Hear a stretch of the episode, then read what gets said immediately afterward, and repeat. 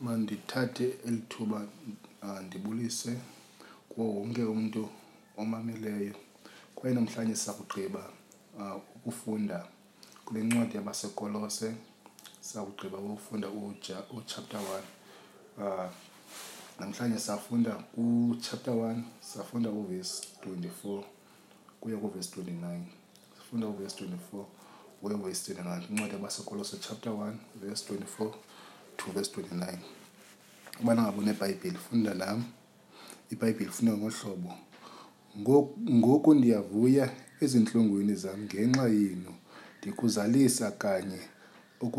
ukuseleyo ukusileleyo kwiimbandezelo zikaKristu enyameni yam ngenxa yomzimba wakhe olilo ibandla, endaba ngumlungiseleli walo mna ngokugosisa kukaThixo endigosisa ngako kuni, ukuba zizaliswe lizaliswe ilizwi likaThixo. verse 26 kwayimfihlo kwayimfihlelo leyo ke ibifihliwe kwasemaphakadini nasezizukulwaneni ngokukaloku nje ibonakalisiwe kubo abangcwele bakhe owathandayo uthixo ukubazisa bona into buyiyo butyibi bozuko lwalo mfihlelo phakathi kwazo iintlanga ubungukristu phakathi kwenu ithemba lozuko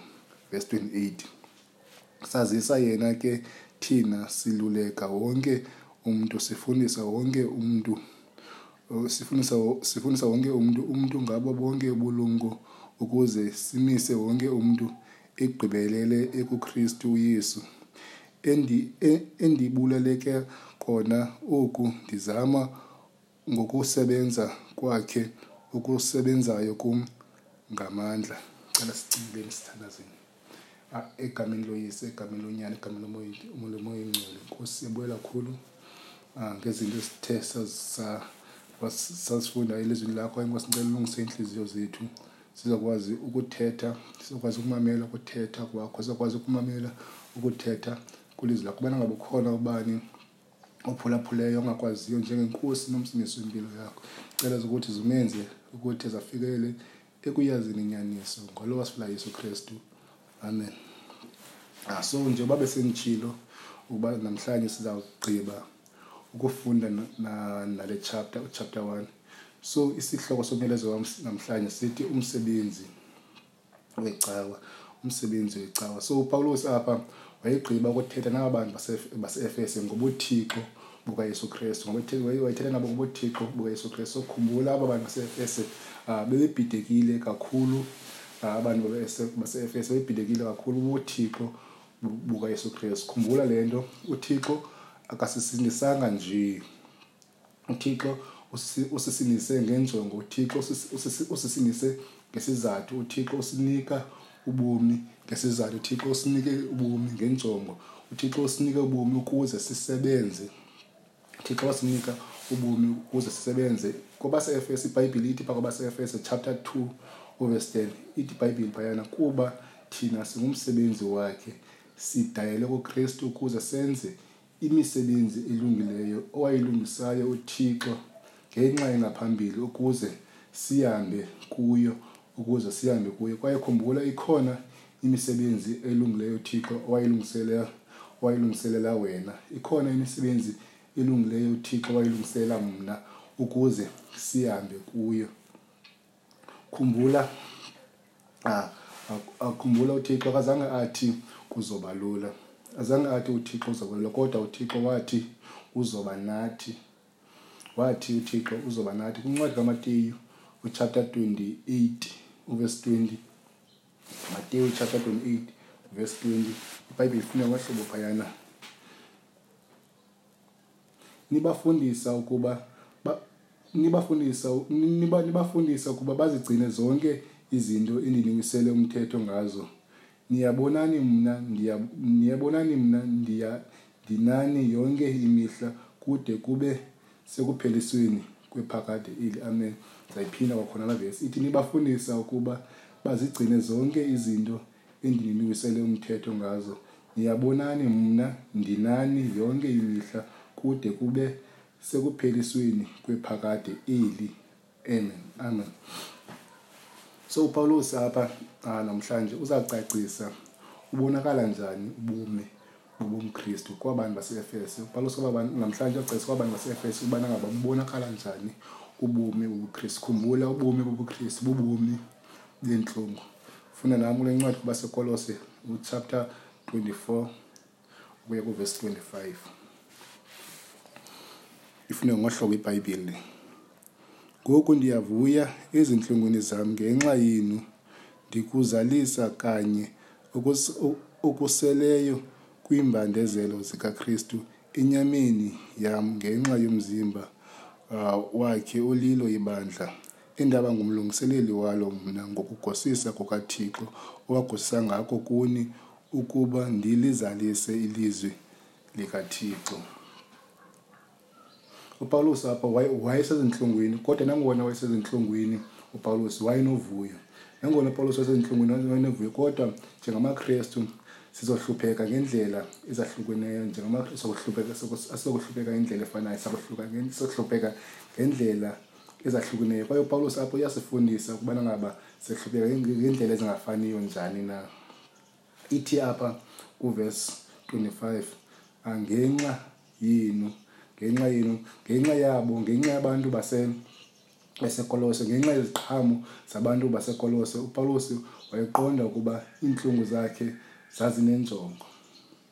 upawulos wayesezintlungwini apha hayi ngenxa yesono sakhe upawulos wayesezintlungwini hayi ngenxa yesena sakho kodwa upawulos wayesezintlungwini kuba wayesenza izinto ezilungileyo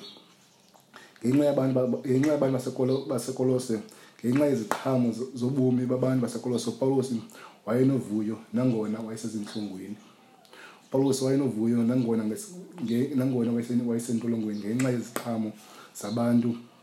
basekolose thina thina kwaye thina asizokwazi ukuvuya ezintlungwini zethu ukubana ngaba asikho semsebenzini kathixo asizokwazi ukuvuya ezintlungwini ukubana ngaba asisebenzi khumbula sidalele sisindiswe ngenjongo injongo akakanika isisindiso ngesizathu uthixo usinika ubomi ukuze sisebenze uthixo usinike ubomi ukuze sisebenze uthixo usinike ubomi ngenjongo ukuze sisebenze so ukubana ngaba asisebenzi asizokwazi uba asizokwazi uba novuyo ezintlungwini zethu ithi phayana kuvesi 20 kuvesi 24 Ah, verse 24 ngoku ndiyavuya ezintlungwini zam ngenxa yenu ndikuzalisa kanye ukusilela ukusilela kwiimbandezelo zikakristu enyameni yenu ngenxa yomzimba wakhe olilo ibandla ndikuzalisa kanye ukusilela kwiimbandezelo zikakristu enyameni yakhe umsebenzi yesu kristu wawugqiba emnqamlezweni so so ilana kwalapha kule ncwadi kubasekolose chapter chapter 1 uverse 20 ithi phayana nokuthi ngaye asixolanise nazo zonke izinto elenzile uxolo ngalo igazi emnqamezweni wakhe ewe ngaye nokuba zizinto ezisemhlabeni nokuba ah, zizisemazulwini umsebenzi kayesu kristu wawugqiba umsebenzi wakhe umsebenzi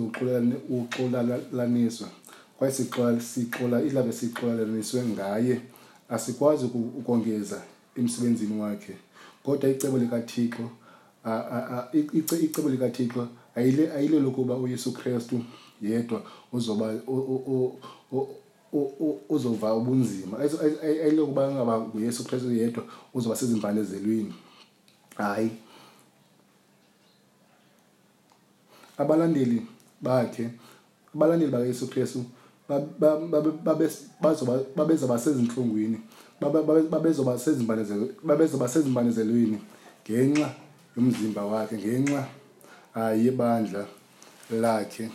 ityapha ibhayibhile apha kubasekolose uchapter 1 uvesi 25 endaba ngumlungiseleli walo mna ngokugosisa kukathixo ngokugosisa kwathixo ngako kuni ukuba ndiluzalise ndilizalise ilizwi likathixo ukuze ndilizalise ilizwi likathixo so upawulos apha wayengumlungiseleli webandla ngentando kathixo wayenenjongo injongo yakhe yayikukuzalisa yayikuzalisa ilizwi likathixo funda nam kwincwadi yabasekorinte incwadi yabasesikorinte besibini kubasekorinte besibini uchapter 5 verse 20 fune nami kubasekoreni besibini chapter 5 verse 20 ibhayibhile funde ngolu hlobo phayana sizigidimi ke ngako ngoku ngenxa kakristu ngokukuthi uthixo aniyale ngathi um siyanikhunga ngenxa kakristu manixolelaniswe ngaye uthixo mandiphini wakhona le vesi kwabasekorele besibini chapter 5 verse 20 ithi sizizigidimi ke ngoku ngenxa kakristu ngokungathi uthixo uniyala ngathi siyanikhunga ngenxa kakristu manixolelaniswe naye uthixo yayiyintando kathixo ngobomi bakapawulos ukuba ukubana ngaba upawulos abe sezintlungwini kuyafana nakuthi namhlanje kuzobakho intlungu emsebenzini kathixo akuzoba lula emsebenzini kathixo kuzobakho intlungu kunye nembandezelo emsebenzini kathixo so xa usemsebenzini kathixo lindela intlungu xa usemsebenzini kathixo lindela imbandezelo ubomi bomkristu bubomi benyweba funda nam kuvesi 20 26 kuye kuvesi 27 ifunde ngohlobo ibhayibhile phayana kuba sekolose chapter 1 uvesi 20 26 kuye kuvesi 27 kwa imfihlo leyo ke ibifihliwe kwasemaphakadeni nasezazukulwaneni ngokunjalo ibonakalisiwe kubo abangcwele bakhe owathandayo uthixo ukubazisa bona into obuyiyo ubutyebi buzuko lwayo imfihlelo phakathi kwazo iintlanga obunguKristu phakathi kwenu ithemba lozuko. Ezi vesi ziyimfihlo, zithi ezi vesi imfihlo kaThixo ibonakalisile kubo bonke abangcwele bakhe. Abangcwele ngabantu. abanenyweba uthixo usinike ilizwi lakhe kwaye um, sinenyweba ukuthi sifumane ilizwi likathixo sibe nelizwi likathixo esandleni zethu because uh, because kwabanye amazwe abakwazi kuba nalo ilizwi likathixo bakwazi ukungena ezicaweni abakwazi ukuthi bashumayele um ilizwi likathixo kodwa thina sinenyweba ukuthi sibe nelizwi likathixo lonke ezandleni zethu bazalwane bazalwane icawa yimfihlo kathixo khumbula le nto icawa kubana ngaba yimfihlo kathixo ithi phayana kuvesi 27 ibhayibhile kuba sekolose chapter 1 verse 27 owathandayo uthixo ukubazisa bona into obuyiyo ubutyebi bozuko lwaloo mfihlelo phakathi kwalo phakathi kwazo intlanga ubunguKristu phakathi kwenu ithemba lozuko ithemba lozuko umoya kaThixo unyana kaThixo uKristu uphakathi kwethu imfihlelo kaKristu iphakathi kwethu singabangcwele kuba kuba uYesu Kristu uphakathi kwethu Ngoku uThixo wazisa thina ubutyebi bakhe ngoku ungaphakathi kwethu, ngoku uKristu ungaphakathi kwethu, uhlala nathi, hayi njengamaYuda. UThixo wayehlala namaYuda ententeni nabo, wayehlala nabo ententeni. UYesu Kristu wayehlala namaYuda ententeni, kodwa babembalwa abantu babesiva ubukho bakhe. Nangona wayehlala nabo ententeni kodwa bebambalwa abantu abebesiva ubukho bakhe kodwa thina ah, kodwa thina sonke singava ubukho bakhe kodwa thina sonke singakwazi ukuthi sive ubukho, ubukho bakhe khumbula le nto sinobumi benyweba kodwa inyweba izazisa uxanduva Sinobomi benyweba kodwa khumbula inyweba izazisa uxanduva. Funda kuLuka chapter 12 verse 48. Funda nam kuLuka chapter 12 verse 48. IBhayibhile funda ngolu hlobo phayana. Kubo bonke abanikwe okukhulu kuya kufunwa okukhulu kubo. Nalowo ubekelwe okukhulu kuya kubizwa okukhulu. Khumbula, sinobomi benyweba, kodwa ubomi benyweba buza kuzi buza kuza noxanduva okanye buza- buza kuzisa uxanduva. Ubomi bomKristu bubomi obunamaxanduva.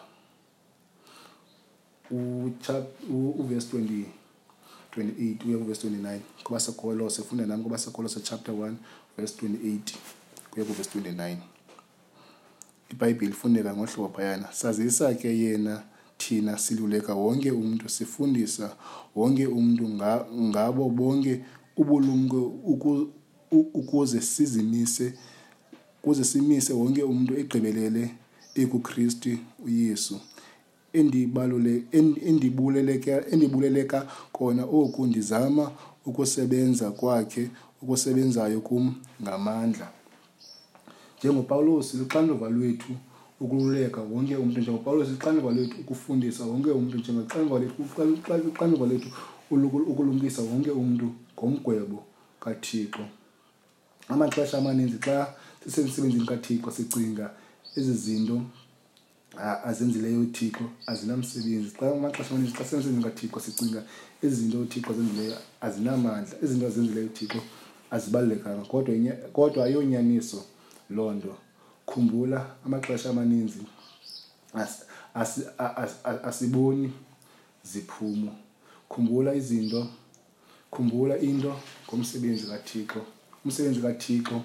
uh, uthatha ixesha elide ukuvelisa iziqhamo umsebenzi kathixo uthatha ixesha elide ukubonakalisa iziqhamo upawulos apha wayesentolongweni wayehlupheka for ixesha elide phambi kokuba uepafra afike kuye eroma kwaye umthi weapile kufuneke ukhule phambi kokuba ubone isiqhamo umthi awukwazi ubona isiqhamo ngokwesemncinci so kufanele ukhule ukuze abe mkhulu kakhulu ukuze kuvele iziqhamo ukuze avelise iziqhamo ukuze ubone iziqhamo ah, kuyafana nabantu xa siqala ukufundisa umntu qha ngobulumko bakhe kufuneke sikhumbule le nto sityala imbewu imbewu elilizwi likathixo sinkcenkceshela imbewu ngamanzi amanzi alilizwi likathixo kwaye uthixo uza kuhlumisa uthixo uzavelisa isiqhamo ngexesha lakhe